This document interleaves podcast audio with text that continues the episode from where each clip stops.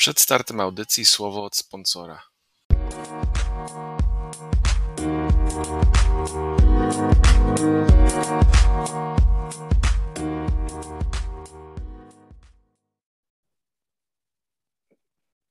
Cześć, witamy Was w NFL.pl Radio. Ja nazywam się Jakub Kazula i jak zwykle co tydzień porozmawiamy sobie o tym, co się dzieje w NFL. Wiadomo, dzieją się playoffy, już e, wildcard rounds za nami, przed nami runda dywizyjna, być może najciekawszy e, tydzień playoffów. Mamy też pierwsze, pierwsze nazwiska, e, które zmieniają kluby, jeśli chodzi o generalnych menadżerów, o trenerów jeszcze nie, ale to też pewnie na dniach.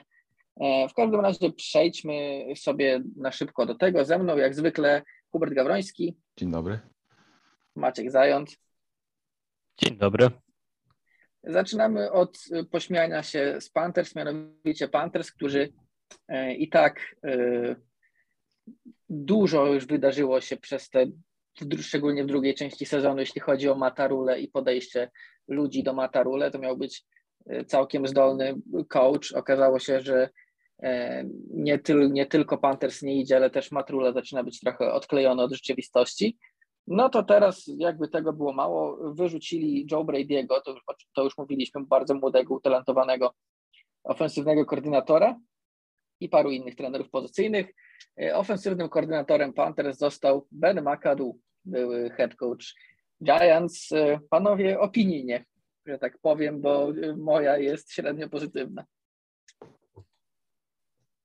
No moja opinia jest taka, że jedyny, jedyny sukces, co Ben McAdoo miał, jest jak Giants doprowadził do rozgrywek. E, I potem wszystko się zaczęło sypać, bo, bo ta drużyna zaczęła się ogólnie sypać. Mi się wydaje, że z tego co pamiętam, oczywiście, Eli Manning coraz gorzej zaczął grać e, i jego kariera. I on był ogólnie sławny, z tego co ja pamiętam, e, za benching Eli, Eli Manninga i tak. wsadził Gino Smitha na jego pozycję. I to była jakby, to był gwóźdź w trumnie dla Bena McAdoo w Nowym Jorku. Ja, jakoś nie kojarzę, ja staram sobie przypomnieć, jak on, jak on podchodził do, do meczów. Jego podejście chyba, chyba było ignorować totalnie bieg i tylko rzucać, y, a szczególnie bez linii ofensywnej i umierającego Eli Manninga. Więc jego podejście do, do w ogóle kontrolowania meczów i używania dobrych stron drużyny jako na pierwszym miejscu, to w ogóle nie egzystowało. Mi się wydawało, że on nie wiedział, co on robi. Y, po jakimś czasie po prostu wszystko się zaczęło się sypać i, i, i mi się wydaje, że to może się kontynuować y, w Karolinie. Mimo wszystko, jako koordynator, może będzie mniej, nie, nie jest powiedzenie, mniej jest więcej. I może jak ma mniej odpowiedzialności jako koordynator, to mu lepiej wyjdzie, ale nadal nie ma rozgrywającego, więc y, i nie będzie rozgrywający żaden w drafcie. Więc ta drużyna tak naprawdę podejrzewam, że następne dwa lata przynajmniej będzie totalnie do, do śmietnika, do wyrzucenia, jakby to powiedzieć. I, i, i, i nie widzę w ogóle pozytywnych Oczywiście jakiś trade po Russell Wilson albo coś takiego może ich uratować, ale bez rozgrywającego w tej lidze nie ma drużyna żadnych szans. I oni nie mają żadnego rozgrywającego. Sam Darnold to jest chyba, nadaje się do psychiatryka, bo nie, wie, nie wiem, co jemu się stało. Po Nadal widzi duchy. Nadal widzi duchy albo, no tak, dokładnie. I Cam Newton już nie. Pierwsze jest... trzy mecze strasznie nam za, zamazały obraz tego sama Darnolda, bo strasznie. naprawdę wydawało się, że on wygląda jak kompetentny zawodnik, a potem przyszło co do czego. Panthers musieli sięgać po Kama Newtona. Obecnie mają trzech QB, z których żaden się nie nadaje na startera. Tak. Tak. I no. właśnie tak jest. I jeszcze Matt Rule stwierdził, że będzie używał ich naprzemiennie, bo skoro ma trzech rozgrywających, z których każdy jest może jedną trzecią takiego prawdziwego startera, to stwierdził, że jak będzie ich wymieniał, to może otrzyma całość, ale chyba tak to nie działa. Może jak w Dragon Ballu powinni zatańczyć wspólnie, to może no, nie będzie Czyli gorzej, a przynajmniej będzie śmieszniej może. Jakby połączyć Darnolda, Newtona, aktualnego Newtona oczywiście, bo wiadomo, Cam kiedyś to co innego w ogóle, ale jakby połączyć Darnolda, Newtona i PJ Walkera e, w jednego rozgrywającego, to nadal byłby słaby rozgrywający. Tak. To nadal nie byłoby nawet blisko top Nadal 10 nie- ligi. Tak. To by Więc, był, to by y, był delikatnie- Jalen Hurts. A teraz do pomocy tak. dostanie Bena McAdoo, co no, no nie, to, to nie ma prawa się udać. Panthers coś czuję, robią że- sobie pod górę i, i, i skończą Jeśli nie- źle. jeśli nie, jeśli nie zrobią jakiegoś dużego trade'u porozgrywającego, to coś mi się wydaje, że za chwilę będą żałować, że ominęli sobie tak lekko Justina Fieldsa w drafcie, bo co prawda Fields no, też nie jest w wybitnej sytuacji, ale u, u niego ten potencjał wydaje mi się może być nawet e, największy z tegorocznej klasy draftowej po tym, co e, po tym, co widziałem w tych kilku chwilach, kiedy Matt Nagy mu nie przeszkadzał. To by- było, było całkiem fajnie. E, A No teraz wiemy, że w więcej Chicago- czasu, gdzie mu nie będzie przeszkadzał.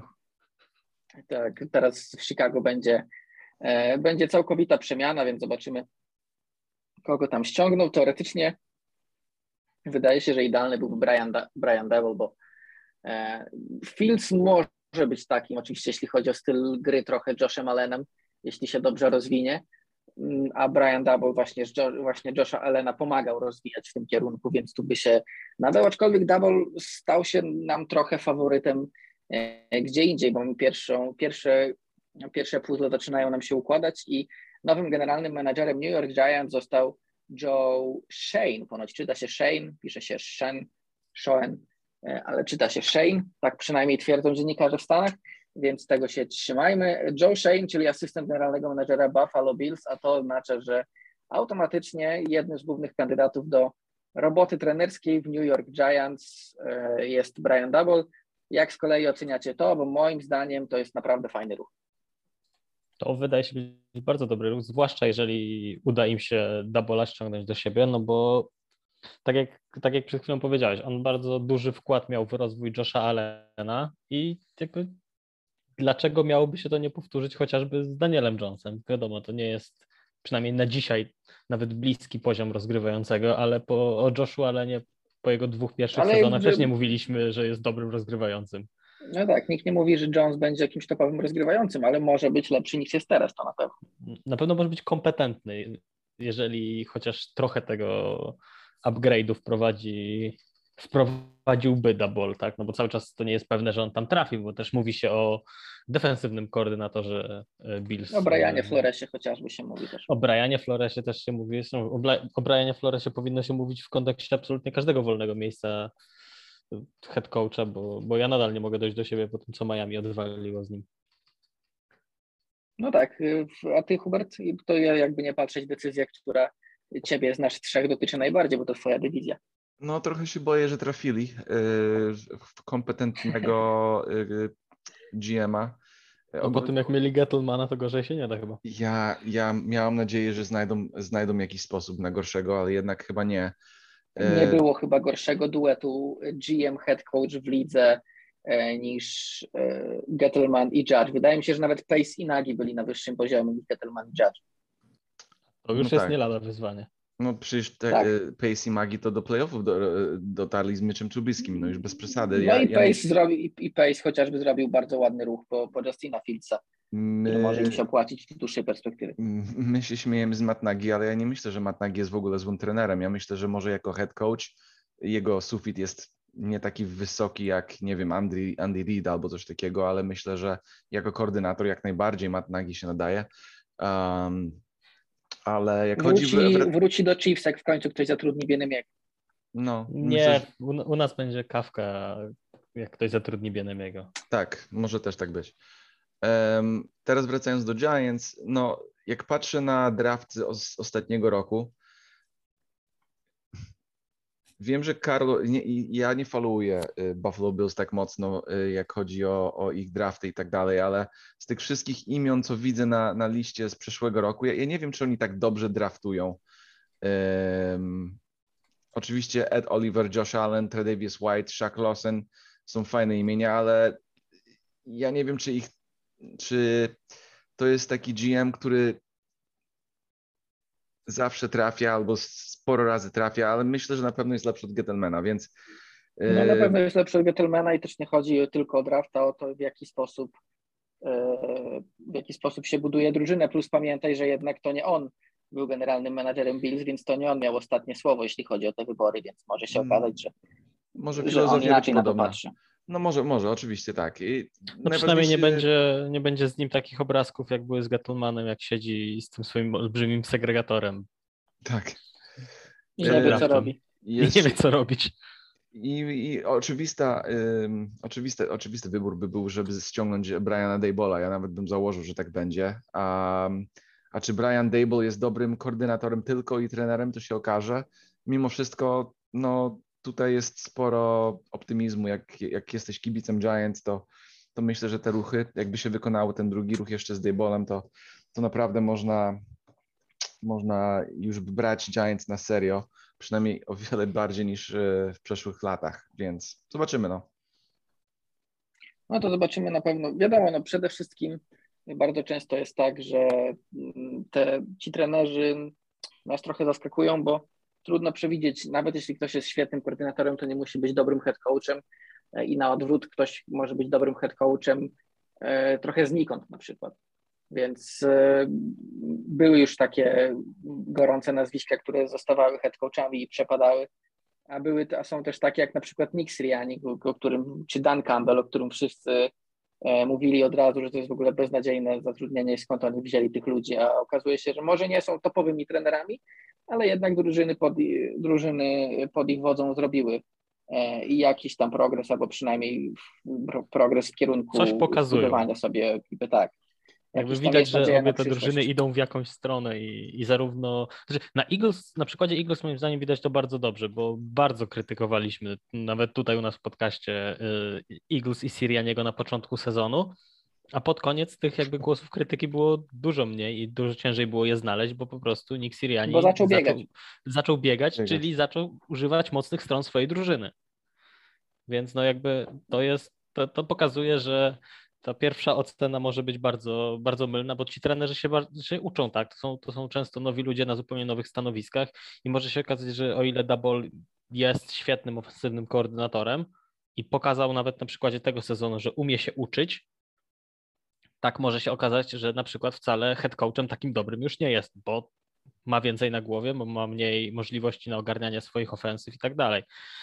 Znaczy, jeżeli do Giants trafi Brian Dabol, to będzie na pewno dobry ruch i na pewno jako dobry ruch będzie oceniony, ale w perspektywie czasu trzeba będzie tak ostatecznie się odnosić na ten temat.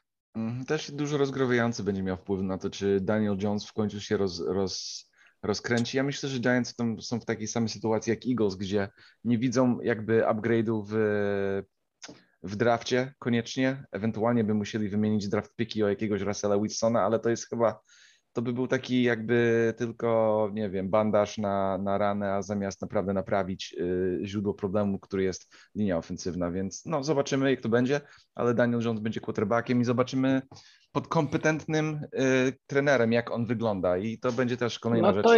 jest, to jest pewnie, to, jest, to będzie pewnie ostatni rok dla, dla Daniela Jonesa. A może nie, jeśli, nie zobaczymy. jeśli, jeśli, poka, jeśli pokaże, Rok że... ostatniej szansy. Mhm. Rok ostatniej szansy, w sensie tak, że jeśli zrobi progres, to będzie na co patrzeć w przyszłość, ale jeśli będzie dalej tak jak jest, no to pewnie w lepszej klasie draftowej Giants pokuszą się o, ko- o kogoś lepszego, a może nawet jeśli będzie mocno źle, to po, po, powalczą o, o, o czołowego rozgrywającego. E, W każdym razie to, to jeszcze będziemy o tym mówić na pewno w sezonie dużo, bo i po Super Bowl, y, co prawda już teraz będą pierwsze zatrudnienia, ale po Super Bowl sypnie nam się jeszcze innymi na pewno. E, Więc, y, więc teraz przejdźmy do tego, co przed nami. Przed nami runda dywizyjna, runda dywizyjna, która często jest nazywana najciekawszym tygodniem playoffów, bo do gry wchodzą już wszyscy najlepsi i e, często jest tak, tak jak mamy w tym tygodniu, że w zasadzie trudno nam jest wskazać e, takich poważnych faworytów tych meczów na, dobre, na, na dobrą sprawę. Tydzień temu spokojnie mogliśmy powiedzieć, że Buccaneers są wyraźnym faworytem ponad Eagles, że Chiefs są wyraźnym faworytem ponad Steelers, natomiast w tym tygodniu takich e, meczów już nie ma. Zaczniemy po kolei.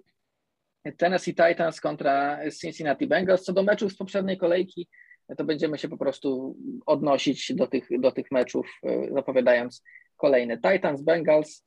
E, Panowie, może zacznę od e, Huberta. Derrick Henry wraca i co to oznacza dla Tennessee Titans i czy to jest w stanie pokonać Cincinnati Bengals.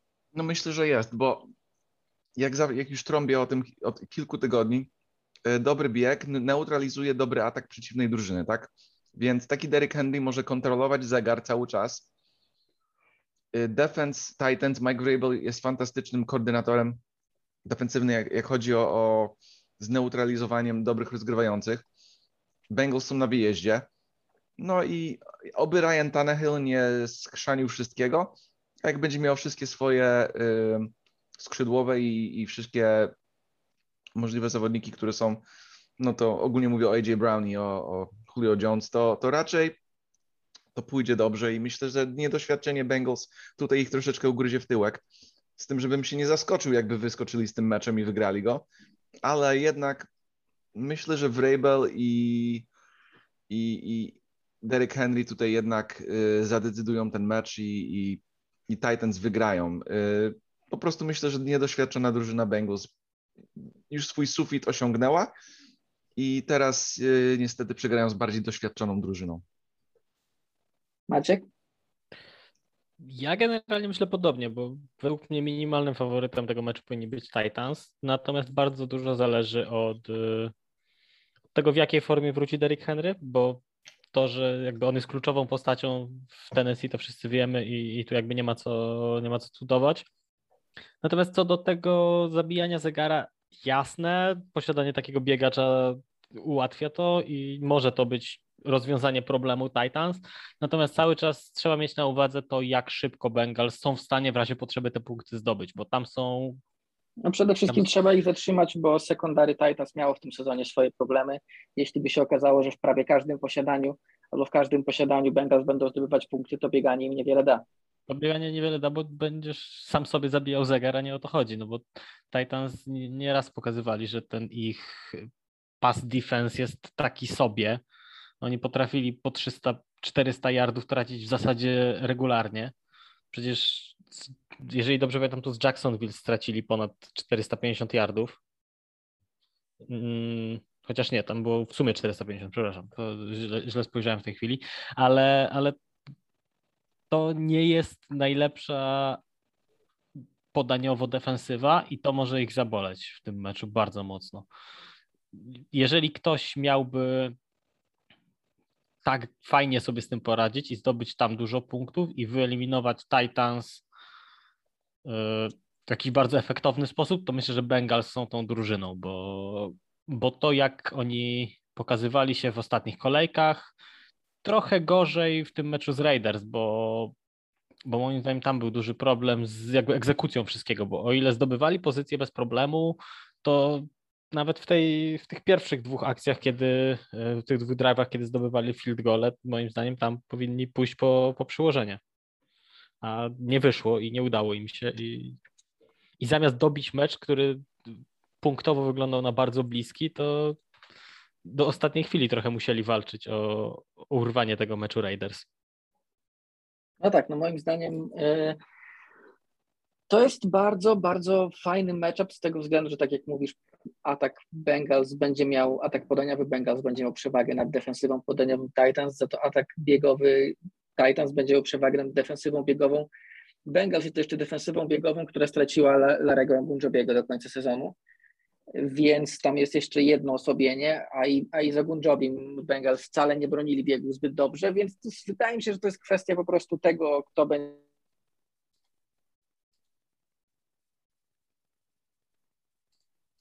bestię, e, wypuszczą ją z klatki i on po prostu tam porozszarpuje wszystkich głodnych gry.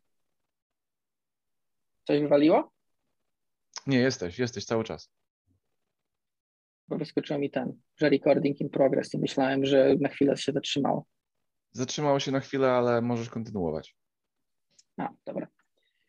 E, więc wydaje mi się, że, że Titans Henry'ego wypuszczą głodnego gry po tym pół sezonu, pół sezonu siedzenia na ławce i on e, przy tej bardzo dobrej linii ofensywnej, trzeba też to przyznać, bo biegowo linia Titans jest bardzo mocna, trochę porozszarpuje e, obronę Bengals, aczkolwiek wydaje mi się, że to będzie po prostu bardzo, bardzo ciekawy mecz ofensywnie z obu stron, bo dwa różne style ofensywne, ale dwa style ofensywne, które mogą sporo yardów i punktów w tym meczu, w tym meczu zrobić. Przechodząc dalej, mamy mecz, oczywiście możemy powiedzieć, że mecz Titans kontra Bengals to jest mecz sobotni, bo idziemy po kolei. W tym tygodniu mamy dwa mecze w sobotę i dwa mecze w niedzielę. Nie ma dodatkowego nocnego meczu w poniedziałek. I na szczęście, bo dzięki temu mamy jeden mecz e, troszkę, e, troszkę wcześniejszy.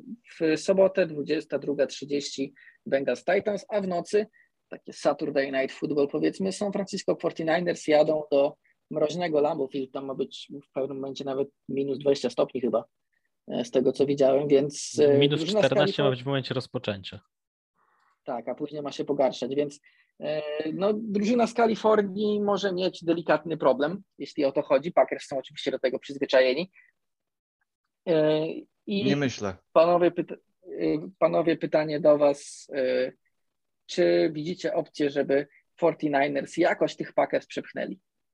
Opcje, opcje widzę, 100% widzę. Czy te opcje Czy są ta prawdą? opcja nazywa się Debo Samuel? Tak, ta opcja jest Debo Samuel i Elijah Mitchell też wszystkie skontuzjowane zawodniki, y, czyli Nick Bosa wraca i będą grali w tym meczu i, i e, Warner też. Tutaj jest jedyny sposób na to. Ja myślę, że 49ers są stworzoną doskonale. Po pierwsze, ostatnie trzy mecze z, z Packers to 49ers wygrali. I w tym roku też ich chyba pokonali. W playoffach tak, pamiętam. zgadza się. I w tym roku też nie, chyba w tym roku ich nie, po... nie, nie pokonali ich, ale to był bliski mecz. To był bliski mecz, więc ja myślę, że 49ers 100% mają recepturę na, na, na pokonanie Packers. No ale jednak myślę, że Green Bay ten mecz wyciągnie, ponieważ jest, jest taka presja na Aaron Rodgers, żeby wyciągnąć przynajmniej podróże do Super Bowlu w tym roku. Yy, przez te wszystkie nieszczepienie się, oszukiwanie medii i tak dalej. E, do tego, że miał fantastyczny sezon i do tego, że tak naprawdę przez to, że jest tak, tak dobrym rozgrywającym, jak patrzysz na statystyki, ma tylko jeden Super Bowl. Jest sporo presji na jego e, ramieniach, żeby wyciągnąć ten mecz i ogólnie wyciągnąć podróże do Super Bowla, bo jak nie, to będzie sporo krytyki w jego stronę rzuca, rzucaną. E, Jimmy Garoppolo tutaj gra rolę Ilaja Manninga trochę, w mojej opinii. On, on bardzo Jimmy podobnie Garoppolo ma nie przeszkadzać w tym meczu. Ma to nie przeszkadzać. Wszystko, czego od niego oczekują w San Francisco. Eli Manning no i to jest problem, bo z Cowboys, z, Cowboys, z Cowboys też już mieli taką sytuację, że wystarczyło tylko nie przeszkadzać, a jeszcze tak na przeszkadzał, że musieli się denerwować do końca. No, no ale to wygrali. Jest, to jest właśnie problem z San Francisco, że oni mają rozgrywającego, którego zadaniem jest nie przeszkadzać, a to najczęściej nie jest sprzyjające, kiedy masz tak trudny matchup i naprzeciwko siebie Arona Rodgersa, więc znaczy, moim zdaniem to jest naj, najmniej bliski mecz z nich wszystkich, z tych wszystkich y, divisional round, no bo one wszystkie są właśnie stosunkowo bliskie, tak jak, tak jak mówiliśmy, one są wszystkie bardzo, bardzo na żyletki powiedzmy, to ten wydaje się być najmniej. Wydaje się, że że San Francisco jest, e, przepraszam, że Green Bay jest największym faworytem w tej chwili. Czy znaczy, czy to jaka będzie temperatura, jaka będzie pogoda na Lambeau Field będzie miało znaczenie?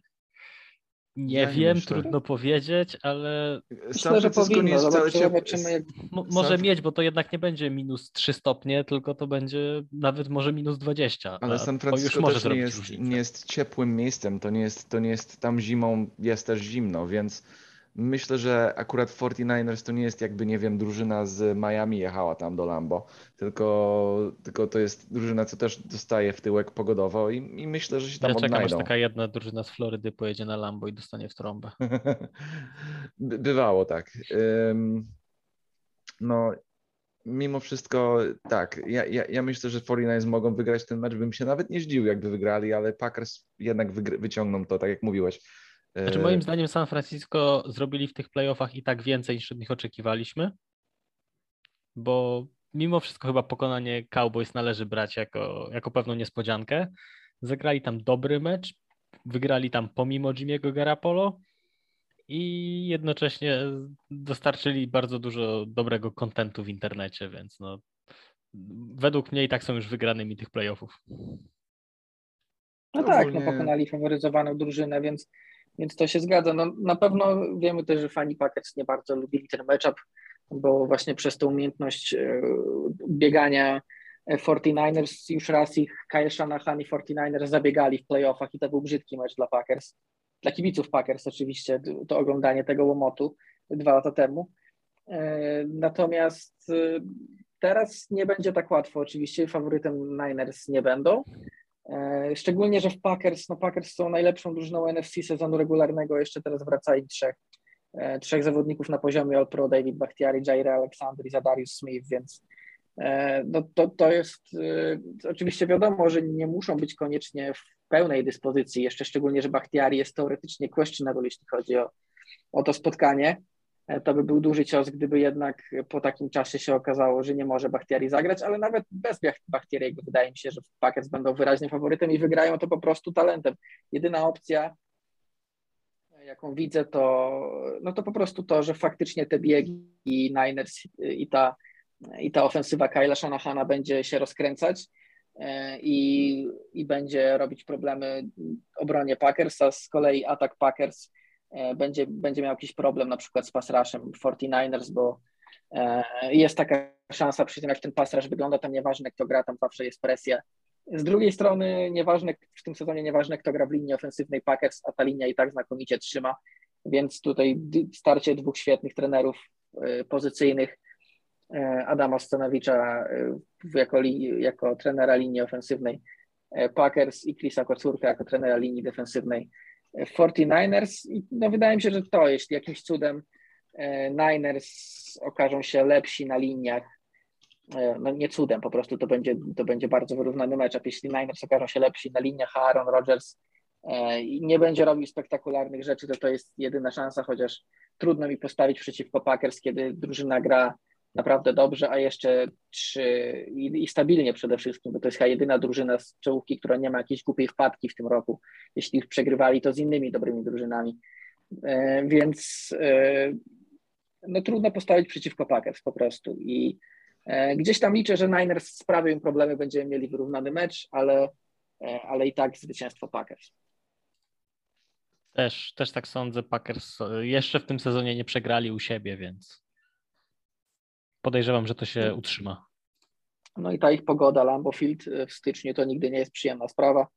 E, może faktycznie 49ers nie są z miasta, które, w którym by było ciągłe słońce, ale to wydaje mi się, że nawet, że po prostu to jest taki to Green Bay, jeśli chodzi o NFL, to jest taki biegun zimny i tam nawet jak się jedzie z zimnego miasta, to, to odczuwanie jest, to tak jest e, całkowicie zimno. inne. Tak, to i tak jest tam dodatkowo zimno. No i w sumie, i w sumie trudno, trudno, trudno powiedzieć coś więcej. Mm, z jednej strony potencjał na niespodziankę jest, a z drugiej strony trudno ją w tej chwili przewidywać. Przechodzimy do niedzieli. Niedzielę zaczniemy od meczu Tampa Bay Buccaneers, Los Angeles Rams. Mm. I tutaj mamy już z kolei dwie drużyny z bardzo ciepłych miejsc, więc gramy w ciepłym miejscu. Pogoda raczej nie będzie przeszkadzać. E, tylko pytanie, kto wyjdzie z tego górą? Well, Maciek. Maciek mów. Albo dobra, Hubert, jak zacząłeś, to... Jak, jak już zacząłeś, to dawaj. Ja byłem w Tampie tydzień temu na weselu i zrzucałem klątwę na stadion Buccaneers i nie wyszło. I pokonali Eagles i to nawet tak mocno. Ale no okej, okay. wracając do tego meczu z Eagles. Ten mecz tak naprawdę, mimo może to, przez że... przypadek na Eagles rzuciłeś. Może tak, może źle wiedźminowałem. ale, ale jak chodzi o mecz z, z Eagles, to ten mecz, mimo to, że Eagles mieli 0 punktów, był bliski do...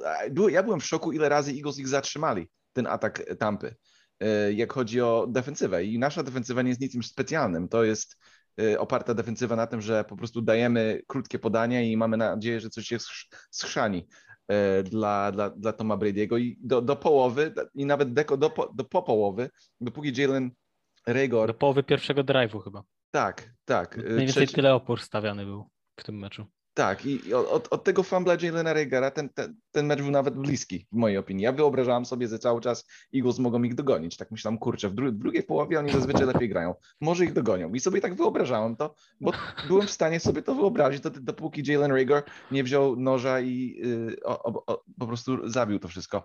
Ale do czego zmierzam? Zmierzam do tego, że Bucks to nie jest ta sama drużyna, która była z Antonio Brownem, Y, i Chris Godwinem. To już nie jest to samo. To jest drużyna ograniczona, atak jest ograniczony, a Rams to jest petarda w tej chwili. Cooper Cup nie jest w stanie nikt zatrzymać. Odell Beckham teraz łapie każdy touchdown. Mają dwóch dobrych biegaczy. Matthew Stafford oby nie zrobił nic głupiego, to powinien mieć dobry mecz i powinni wygrać. Już raz z nimi wygrali, nawet mocno z nimi wygrali, jak byli w pełnych siłach y, w Los Angeles, więc mi się wydaje, że ten mecz jednak będzie najłatwiej. Ja, ja może tutaj przesadzam, ale ja myślę, że ten mecz będzie bardziej jednostronny niż Packers 49ers. Ja wyobrażam nie, no pewnie. sobie... Da, daj Tomowi Brady'emu więcej niewiary w niego. Mhm. To jest właśnie to, czego świat potrzebuje. Wiesz co, ja wybieram ten mecz, żeby dać, dać jemu niewiarę w niego. Ja właśnie wybieram ten mecz.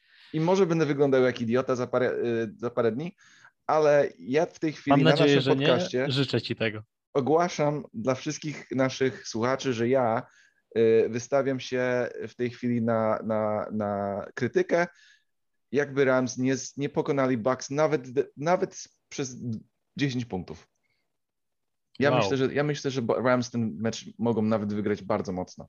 Wow, jestem w No, szoku. trochę będą mieli problemy, bo właśnie przyszła nam informacja, że Tak, właśnie też e, miałem Sean, Sean, przeczytać. Sean, McVay, Sean McVay powiedział, że w dwóch starterów wypada w Rams z tego spotkania. Nie zagra lewy tackle Andrew Whitworth, weteran boisk i safety Taylor Rapp. No to to będzie trochę problem dla, dla Rams. Bez takich, Będzie. bez Nie wiedziałem, że Andrew. zawodników. Okej, to, to okej, teraz myślę, że To już będzie trochę bliski mniej. mecz. Nadal myślę, że Rams wygrają, ale Andrew Whitworth, mimo to, że ma chyba 700 lat, yy, Tak. jest, jest, yy, jest jeden z lepszych yy, taklów w Mhm. NFL. I, I on, i to dużo znaczy, to dużo znaczy. I teraz, że dodaliście mi taką informację, powiem, że będzie bliski Czekaliśmy, mecz. aż się wystrzelę ze swoich take'ów, a potem wiesz. Będzie bliski mecz. Myślę, że teraz, że powiedzieliście, to Eee. będzie bliski mecz, ale Rams wygrają. Sprawdziłem na szybko, No, zobaczymy, Whitford jest po faktycznie- 40. Tak, już jest po 40. No to Co jak na lewego takla dobrze, no robi ale- wrażenie. No ale trzeba przyznać, że jedni i drudzy w tym sezonie trochę kontuzji mają. Bucks faktycznie mają dużo problemów. Z Eagles wygrali łatwo, ale to bardziej wynikało ze słabości Eagles, a nie z jakiegoś wybitnego poziomu Bucks. E, Więc e, zobaczymy. Tak naprawdę nie wiemy, na co stać tych Bucks w playoffach. Trochę im, może, trochę im pomogą te nieobecności w, w Rams, ale też bym stawiał chyba na Rams, jeśli trochę, tak teraz po tym, przy tych kontuzjach mam taki, takie wrażenie, że to jest mecz 50 na 50, ale, e, ale e, tak to wydaje mi się, że Rams są trochę rozpędzeni, podczas gdy Bucks mają trochę dziur i próbują je łapa, łatać za wszelką cenę, a wiemy, że różnie, różnie z tym wychodzi. A ty Maciek? Dla mnie to jest bardzo, bardzo bliski mecz. Wydaje mi się, że Tampa mimo wszystko raczej ten mecz wygra, grają u siebie, a to zawsze jest choćby jakaś drobna, e, taka mentalna przewaga. Problemem jest to, że oni grali z Eagles, więc tak naprawdę nie do końca wiemy, co do końca jest z tą drużyną, czy oni będą gotowi grać z poważnym rywalem, czy po prostu rozjechali sobie leszczy. No bo nikomu nie ujmując, no to Eagles to tak średnio pasowali do tych playoffów. Dostali się tam w ostatniej chwili tak naprawdę i, i byli wyraźnie słabszą drużyną. Jasne, w Tampie są dziury, ale w Tampie póki jest jakby no, Tom Brady, to, to trudno będzie mi przeciwko nim stawiać i mimo, że sprawia mi to jakiś wewnętrzny ból, to, to myślę, że wygrają ten mecz. I dopiero na jakąś zimną, styczniową nocą na Lambo zderzą się z lodową ścianą. No, nie, nie, mi się to nie- niezbyt podoba, ten, ten matchup o- mistrza konferencji, a najchętniej w meczu o mistrzostwo konferencji zobaczyłbym starcie Niners Rams. Bardzo chętnie, zo- bardzo chętnie takie przyjmę takie zestawienie ze środka NFC West, no ale faktycznie w pierwszym meczu faworytami są Packers, drugi mecz jest 50 na 50, więc trudno sobie to na ten moment y, wyobrażać. Ostatni mecz playoffowy Kansas City Chiefs, Buffalo Bills, chyba najciekawszy mecz. E, Chyba taki, chyba potenc- najrówniejszy. przynajmniej potencjalnie. Że najrówniejszy, a dwa, że mamy e, dwie drużyny, które są w stanie nas uraczyć fajerwerkami w ataku i trochę chyba cała NFL-owa społeczność na to liczy. Pytanie y, do ciebie, Maciek, czy Steve Spagnolo nie uraczy nas fajer- fajerwerkami w obronie przy okazji? Nie wiem, ja cały czas mam nadzieję, że to, co Steve Spagnolo odwalił w meczu z Bengals, nie powtórzy się już w ciągu najbliższych 165 lat.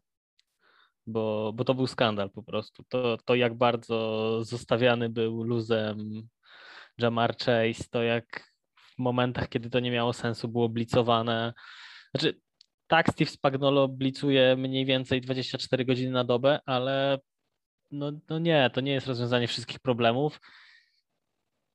W zeszłym sezonie, kiedy graliśmy mecz playoffowy z Bills, ta obrona zagrała naprawdę fajnie. E, tam też chyba Bills zdobyli cztery przyłożenia, czy trzy. No generalnie był to bardzo fajny mecz, było tam sporo fajerwerków i też Bills zaczęli od, od wysokiego prowadzenia, ale, ale ostatecznie jakby udało się ten mecz utrzymać, udało się ten mecz spokojnie wygrać i obrona naprawdę dała radę. Biegowo było jak to obrona Chiefs w biegu w zeszłym roku, ale ale podaniowo przede wszystkim udało się jakoś Bills zatrzymać. Mam nadzieję, że teraz to się uda powtórzyć. Mam nadzieję, że, że przede wszystkim wróci ta, ta ofensywa, którą było widać przez dwie kwarty meczu ze Steelers, bo więcej w sumie nie było potrzeby. No i liczę, że Chiefs ten mecz po prostu wygrają, bo, bo, czemu, bo czemu nie? Bo, bo trzeba utrzeć nosa Bills i trzeba po raz kolejny zameldować się w finale AFC. Ja się zgadzam, trzeba im utrzeć noca, po cholerę to w ogóle gra. O to to. Takich właśnie głosów potrzebuję Psuje, od pana Patriots. Psuje, psują tylko ludziom nerwy. Nie, no wiadomo, ja jako fan Patriots nie chcę, żeby Bills wygrywali, bo no, jakby nie patrzeć, w dyskusjach z fanami Bills zawsze fajnie E, jest mieć argument, że cztery razy z rzędu przegrali Super Bowl i tego Super Bowl nadal nie mają, więc jakby w końcu wygrali jedno, to by była zupełnie inna zabawa. Dlatego ja e, e, podziękuję za ich wygraną jakąkolwiek i tutaj zdecydowanie Team Patrick Mahomes, Go Chiefs i jedziemy, jedziemy z tymi ja myślę, że zaskakująco ważnym newsem jest to, że jednak Willie Gay zagra w tym meczu, bo bo on miał naprawdę dobry mecz ze Steelers, e, mimo że zagrał tych snapów niewiele i on naprawdę fajnie pokazuje się jako taki linebacker, który nie dostaje dużo szans, ale kiedy je dostaje, to je wykorzystuje i myślę, że w meczu przeciwko Bills może jego rola być naprawdę bardzo duża, zwłaszcza jeżeli Bills decydują się na trochę więcej biegania Joshem Allenem. I liczę no, wtedy bardzo mocno na, duet, na duet tych młodych linebackerów Willie Gay i Nick Bolton. No Gay powiedzmy, że był zatrzymany e, dwa dni temu bodajże ze względu na to, że ze względu na zrobił? E, uszkodzenie mienia o wartości poniżej 1000 dolarów. Tam była jakaś sytuacja, że odwiedzał swojego syna u, zakładam, że e, swojej jakiejś byłej partnerki i miał tam zniszczyć odkurzacz, framugę drzwi i coś jeszcze. To po prostu uderzył odkurzaczem w framugę drzwi, to był jeden strzał. Prawdopodobnie, prawdopodobnie tak właśnie było. W każdym razie został już zwolniony i według y, Andiego Rida zagra w meczu. Więc zakładam, że nie było to nic poważnego. Jakby jak na standardy I zawodników żadne, AFC West, to i tak nie no. jest źle. Tak. Ja po prostu myślę, że Cóż. Josh Allen nie jest taki dobry rozgrywający jak Patrick Mahomes i tutaj wtopi, po prostu wtopią przez, przez Josha Allena. Ja, ja, ja jakiegoś nie widzę tego clutch gina u Josha Allena, e, ten gen umiejętności wygrywania meczów w ważnych momentach, żeby wszedł do, do Arrowhead i wyciągnął mecz, więc zgadzam się z wami też, chłopaki, że, że jednak Chiefs tutaj no, wyciągnął. W poprzednim meczu na, na Arrowhead zagrał naprawdę bardzo dobrze, bo ten pierwszy mecz z no, Week 5 Josh... to on tam naprawdę nas pokroił straszliwie. Ogólnie Josh Allen naprawdę, jeśli jest w swojej najlepszej dyspozycji w tym sezonie, to wygląda fenomenalnie jak top 3 rozgrywający ligi. Problem jest z tym, że i Josh Allen i cali Bills w sezonie regularnym byli no, paradoksalnie nieregularni, bo zdarzały się takie mecze jak, jak z Patriots, gdzie Josh Allen pokroił wszystko po kolei i e, nic, jednego błędu nawet nie zrobił. No i dobra, zrobił jeden, ale to e, i tak bez konsekwencji i wrzucał takie piłki, że się eksperci za głowę opali, że on w życiu nie, był, nie pomyśleli, że on może rzucać takie piłki i nie chodzi o moc, a o dokładność. E, a są takie mecze jak nawet z Atlanta Falcons, gdzie on rzuca na 150 yardów, dwa przechwyty i tam się tak naprawdę, tam tak naprawdę nic nie działa. Co prawda Bills ten mecz wygrali, no, dlatego, że grali z Falcons, ale a sam Josh Allen potrafił się na słabej w sumie defensywie e, Falcons E, potknąć, więc no, on się pytanie, który... na Falcons w tym sezonie i na Jaguars. To był, to był przekomiczny mecz, bo Josh Allen miał w tym meczu prawie 50 prób rzutowych, z czego ponad 30 celnych, a no, to, to nie był poważny mecz Josha Allena i to nie był dobry mecz Josha Allena. No nie, Wydawało się, że w momencie, będzie... kiedy on rzuca 50 razy, to będą jakieś absurdalne cyferki. No wszystko zależy tak na dobrą sprawę od tego, jaki Josh Allen pojawi się, e, pojawi się w Kansas City. E, no i ja nie wiem, to jest dla mnie całkowicie mecz 50 na 50. No ja stawiam na Chiefs, ale stawiam na Chiefs dlatego, bo chcę, żeby wygrali Chiefs ze względu na bycie to... fanem Patriots i, kwest, i kwestie Bills, ale no jeśli miałbym, jeśli miałbym wskazać obiektywnie, to nie mam tutaj typu w ogóle. To dokładnie tak samo jak ja, bo ja też stawiam na Chiefs tylko dlatego, że, że to Chiefs, ale, ale obiektywnie widzę ten mecz jako 50-50. Biorąc pod uwagę ten mecz z Week 5, może nawet minimalnie jakieś 55-45 dla Bills. W każdym razie to jest y, bardzo, bardzo ciekawy tydzień. Mamy cztery mecze, których no nie możemy powiedzieć wprost nawet, kto jest faworytem w żadnym meczu. Mamy faworytów w postaci e, Packers, i w sumie takim wyraźnym faworytem są tylko Packers, bo dla mnie pozostałe trzy mecze są 50 na 50, ale oczywiście przy Packers też stawiamy możliwość niespodzianki, bo, bo Niners są dla nich słabym matchupem po prostu. I, i tyle. Więc co tu y, dużo mówić, przed nami naprawdę y, świetny weekend futbolu, kolejny zresztą. No dobra, z tym, z tym, że był tydzień temu świetny, to może byśmy nie powiedzieli, bo za dużo chyba było blowoutów jednostronnych. E, nawet w tych meczach, myślę, że jeszcze tego nie spodziewaliśmy, w, w jak sobie, na przykład. Myślę, że w off-seasonie sobie pogadamy o tym, czy, ten, czy to siódme miejsce w playoffach to jest na pewno dobry pomysł. Ja myślę, no tak, że trzeba dać jest... tej próby jeszcze parę lat, tak żeby naprawdę stwierdzić. Myślę, że na mi pewno, wydaje, ale... że to jest dobry, Mi się wydaje, że to jest dobry pomysł, tylko po prostu w tym roku e, nie wypalił. W tym roku tak wyszło, że, w tym roku tak wyszło, że faktycznie w NFC było tak, że mieliśmy sześć mocnych drużyn i ktoś musiał to siódme zająć, a a w AFC do tej pory nie wiem, jak Steelers tam się dostali w ogóle. W, w AFC generalnie wszyscy zażalenia do Colts za to, co zrobili, do Chargers tak. i Raiders za to, czego nie zrobili. Czyli, że nie zrobili remisu, tak, bo to mogło wyglądać zupełnie inaczej, bo e, wydaje mi się, że, że mecz Chiefs-Chargers, a to właśnie byłoby przy remisie, byłby e, znacznie nie, ciekawszy. przy remisie byłoby Chiefs-Raiders. A, okej. Okay. Bo, bo Raiders nie mogli zająć innego miejsca niż siódme tam ze swoim bilansem. Okay. Ale no nadal no to byłoby tak. to, znaczy to nadal mogła być strzelanina, biorąc pod uwagę poprzednie mecze Chiefs Raiders w tym sezonie, ale myślę, że Chargers no byłoby, grające byłoby niż z kimkolwiek prostu, byłoby no. naprawdę dobrym meczem. To prawda. Nawet kibicowsko byłoby ciekawiej. Tak, bo, zdecydowanie bo, tak. Bo realnie tak naprawdę Chiefs to zagrali dwie kwarty w tym meczu. W pierwszej zapomnieli wyjść, w czwartej już nie musieli wychodzić. No to panowie, coś jeszcze na koniec y, tego tygodniowego podcastu przed bardzo fajną, chyba najfajniejszą kolejką playoffową na, na skali, w sezonie. Na skali od 1 do 10, jak, jak yy, i 10 jest najgorsze, jak yy, osądzacie porażkę Dallas Cowboys do 49ers? Bo Dallas niby drużyna jest pełna talentu na defensywie, na ataku. CD Lamb, Ezekiel, Pollard, Amari i jednak ten mecz był nawet nie bliski przez pierwszą połowę. Znaczy ja bym nie, ja bym nie oceniał całej drużyny, oceniłbym ten, ten, ostatni play. Ja go nie rozumiem. No nie, to kompletnie ja, w ogóle to, tam e, jakiś error. Co, co to był za pomysł? Wszystkim. No to był e, po pierwsze, pomysł.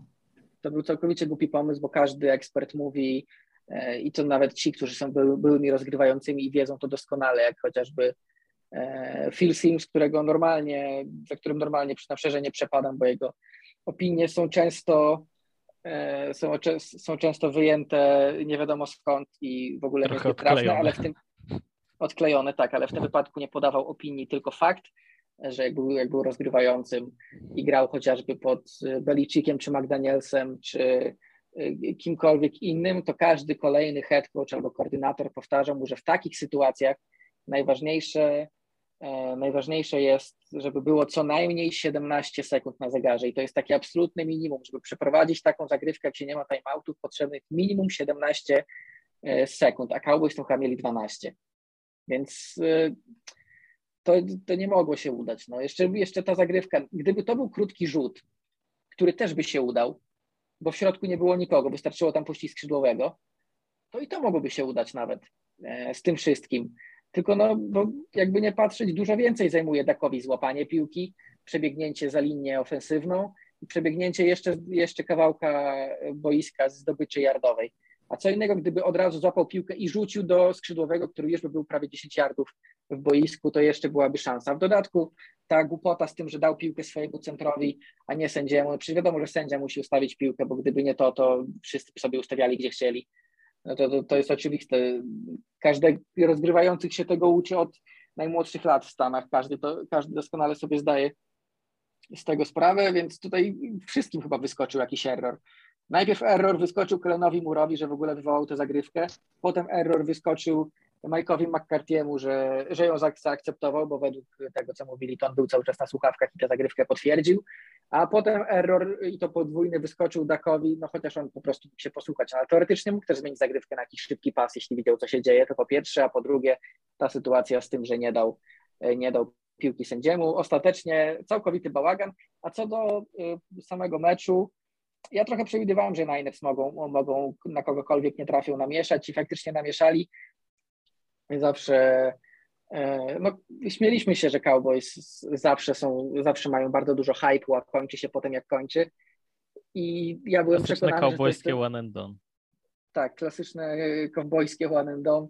E, ja byłem przekonany, że oni mają na tyle potencjału, że w tym roku to się zmieni.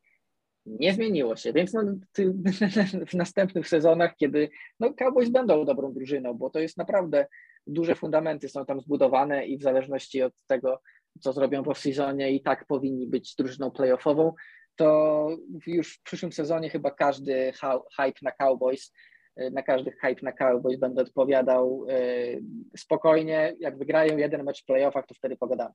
No bo trudno, trudno po tych kilku razach cokolwiek innego, innego powiedzieć. Coś jeszcze, panowie Maciek? Ja nie. Ja nie. Ja już jestem, ja już jestem zadowolony, już jestem nahypowany na niedzielny mecz i, Tak jest. i Go Chiefs. Tak jest. My rozmawiamy w piątek, wy tego pewnie słuchacie albo piątek wieczór, albo, albo w sobotę, więc jeśli słuchacie tego w sobotę, to mecze są już dzisiaj. Mamy, mamy rundę dywizyjną, cieszmy się futbolem. bo zostało nam 22.30. jeszcze- 22.30. Zostało nam jeszcze tylko 7 meczów, a potem co prawda skupimy się na wolnej agenturze, skupimy się na drafcie, czyli to, co też nas bardzo jara, ale meczów już nie będzie na pół roku. Także korzystajmy, póki możemy. E, My na pewno wrócimy do Was za tydzień, pogadamy o tym, co wy, wydarzyło się w rundzie dywizyjnej i co będzie się wydarzało w, w finałach konferencji. Może w międzyczasie będą jeszcze jakieś kolejne zatrudnienia, o nich również Oby lepsze E, niż pogadamy. Makadu. oby lepsze niż Makadu, chociaż to i tak e, Panthers wydają się na razie straconym, straconym tematem. Razem ze mną jak zwykle byli Hubert Gawroński, Cześć i miłego oglądania. Maciek Zając. Do usłyszenia. Ja nazywam się Jakub Kozula. Miłego futbolowego weekendu. Do usłyszenia. Cześć.